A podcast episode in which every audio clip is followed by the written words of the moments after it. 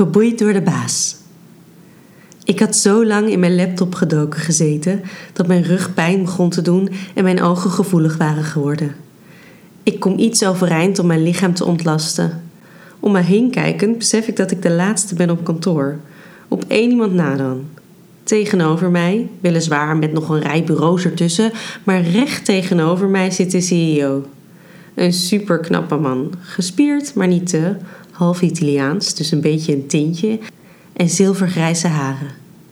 Hij heeft zo'n ondeugende lach en kinderlijke glinsteling in zijn ogen dat je nooit zou zeggen dat hij de 50 al gepasseerd is.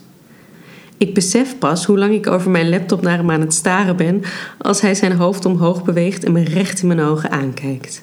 Hij glimlacht, maar ik duik snel weg achter mijn scherm. Hij staat al een tijdje op mijn bucketlist, maar het feit dat hij mijn baas is, heeft me altijd tegengehouden. Ik wil de goede functie die ik nu heb niet in gevaar brengen. Bovendien zou hij dat als CEO toch ook niet zomaar doen. Desalniettemin maakt hij al maanden toespelingen naar me. Meestal waar iedereen bij is. Over dat ik er zo leuk uitzie of zo cute ben. Over dat hij wel eens met me mee wil rijden in mijn nieuwe auto. Hij is een grote flirt en in het begin moest ik daar ontzettend aan wennen. Maar inmiddels heb ik mijn draai gevonden en kan ik hem gerust terugblagen over het skateboard dat hij voor zichzelf heeft gekocht of zijn hippe nieuwe kapsel. Na een half uurtje ben ik er klaar mee en gooi ik mijn laptop dicht. Ik pak mijn spullen bij elkaar en dan richting de lift lopend wens ik mijn baas een fijne avond. Eenmaal bij de lift moet ik even wachten tot deze er is. Als de deuren open gaan, stap ik in en druk ik op de knop parterre. Ik staar naar de liftdeuren, wachtend tot ze sluiten. Net op het moment dat ze in beweging komen, schiet mijn baas naar binnen. Ik ben er ook wel klaar mee voor vandaag, zucht hij. Ik probeer nonchalant leunend tegen de kant tegenover hem te gaan staan, maar ben me ontzettend bewust van mezelf. Je hebt het ook lang volgehouden vandaag, gaat hij verder. Werk je niet te hard? Je moet af en toe ook ontspannen, hè? Er volgt een speelse knipoog. Ja, dat vergeet ik soms wel eens, antwoord ik met een verlegen glimlach. Maar dat geldt ook voor jou dan, toch? kaats ik de bal terug. Misschien moeten we elkaar helpen ontspannen, reageert hij dubbelzinnig. Normaal gesproken laat ik dat soort opmerkingen maar voor wat ze zijn, maar ik ben in een opstandige bui, merk ik. Klinkt goed? Ik kijk hem uitdagend aan. Wat had je in gedachten? Even lijkt hij verrast door mijn assertieve reactie, maar hij herpakt zich snel. Oh, ik kan heel veel manieren bedenken. Hij laat even een pauze vallen en ik laat hem zijn tijd nemen. Kom je anders nog even bij mij thuis om te ontspannen? Hij spreekt het voorzichtiger uit dan wat ik van hem gewend ben, alsof hij zich heel bewust van is dat hij zich op glad ijs bevindt. Even laat ik hem in spanning, maar dan antwoord ik: Oké. Een paar minuten later zitten we in zijn auto onderweg naar zijn huis. Het feit dat mijn auto nu nog in de garage onder het pand staat, neem ik maar even voor lief. Een Uber kan me straks altijd weer terugbrengen. Waar we normaal gesproken altijd wat tegen elkaar te zeggen hebben, blijft het nu de hele weg stil. De spanning is om te snijden. Ik zit op mijn telefoon om mezelf af te leiden, maar er dringt niks door van de mailtjes die ik lees. Als we bij zijn huis binnenlopen, ben ik overweldigd door hoe het eruit ziet. Van buiten is het een mooi huis, maar van binnen is het prachtig. Volledig gestyled en met een mix van moderne en antieke stukken. Ik kijk mijn ogen uit, al heb ik daar niet veel tijd voor. Al snel staat hij achter me en voel ik zijn warme adem in mijn nek. Ik draai me om en kijk naar hem omhoog. We staan zo dicht bij elkaar dat mijn tepels zijn lichaam raken. Een rilling gaat door mijn lichaam. Hij buigt zich langzaam naar me toe en zijn lippen raken de mijne. Ze zijn zo zacht, zijn lippen. Ik wil meer. Op mijn tenen zoen ik hem gretig terug, mijn handen om zijn nek zodat hij niet weg kan. Het is het teken waar hij op wachtte. Met zijn gespierde lichaam tilt hij me op en loopt hij al zoenend met me naar boven. Daar drukt hij mijn rug tegen de muur van zijn kamer. Zijn vingers grijpen gulzig in mijn billen en ik voel dat mijn klit begint te tintelen van de opwinding.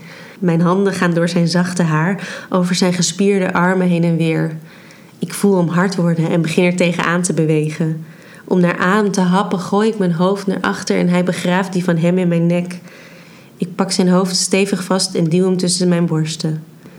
Jezus, wat ben je lekker, fluistert hij. En hij brengt me naar zijn bed. Snel en dus onhandig trekken we onze kleren uit. Ik probeer zijn knoopjes los te maken, maar het duurt veel te lang en dus trekt hij al snel zijn shirt over zijn hoofd. Mijn handen laat ik bewonderend over zijn gladde gespierde borstkas gaan. Even laat hij het toe. Dan duwt hij mijn naakte lichaam naar achter op het bed en duikt er bovenop. Hij duwt mijn armen boven mijn hoofd en houdt ze daar vast. Blijf liggen. Hij grijpt in het nachtkastje naast hem en tovert er een setje zwarte handboeien uit. Boven mijn hoofd laat hij ze bungelen. Mag ik? vraagt hij voorzichtig. Graag, antwoord ik zeker. Natuurlijk heeft hij zo'n bed met spijlen. En natuurlijk heeft hij handboeien in zijn nachtkastje liggen. Het is allemaal te smooth voor woorden en ik geniet er intens van. Zodra ik groen licht heb gegeven, gespt hij de boeien dicht en maakt hij me vast aan zijn bed. Even neemt hij afstand om me te bewonderen. Ik vind het een geil idee dat ik hem zo opwind, dat ik die macht over hem heb. Dan grijpt hij mijn borsten en begint er stevig in te kneden. Ik voel mezelf natter worden, krom mijn rug van genot en duw mijn borsten verder in zijn gezicht. Even bijt hij in mijn tepel voordat zijn hoofd al zoenend verder naar beneden afdwaalt. Met zijn handen duwt hij mijn benen uit elkaar en grijpt hij daarna mijn billen zodat zijn tong gemakkelijk bij mijn klit kan. Met grote halen maakt hij me nog natter dan ik al was. Daarna gaat hij preciezer te werk. Kreunend vertelt hij hoe lekker ik ben en ik vind het heerlijk dat hij er zo van geniet. Het idee dat die grote man van mijn werk mij nu beft, vind ik mega opwindend. Ik lig helemaal te kronkelen van genot als hij opnieuw naast zich in het kastje begint te graaien. Met het condoom om zijn eikel klimt hij bovenop me en ik gebruik mijn mond om hem te helpen het uit te rollen. Dan komt hij tergend langzaam, maar gelijk super diep bij me naar binnen. Hij is groot en ik voel hij me vult zoals niemand dat gedaan heeft. Langzaam, maar elke keer weer heel diep begint hij heen en weer te bewegen. Het tempo steeds iets verder opvoerend.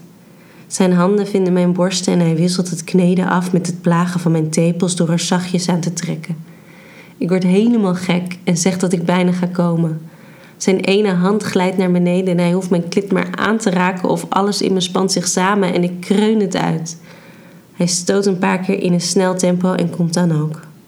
Gelijk maakt hij me los en glipt dan naar de badkamer. Als hij terugkomt, volg ik zijn voorbeeld. Als ik mijn kleren opraap, valt mijn oog op een foto die op zijn nachtkastje staat. Hij staat er uitbundig lachend op met zijn drie kinderen naast hem. Een arm om zijn ex heen geslagen. Het schudt me direct terug in de realiteit. We zijn het er gelukkig snel over eens. Dit was leuk, maar zeker eenmalig.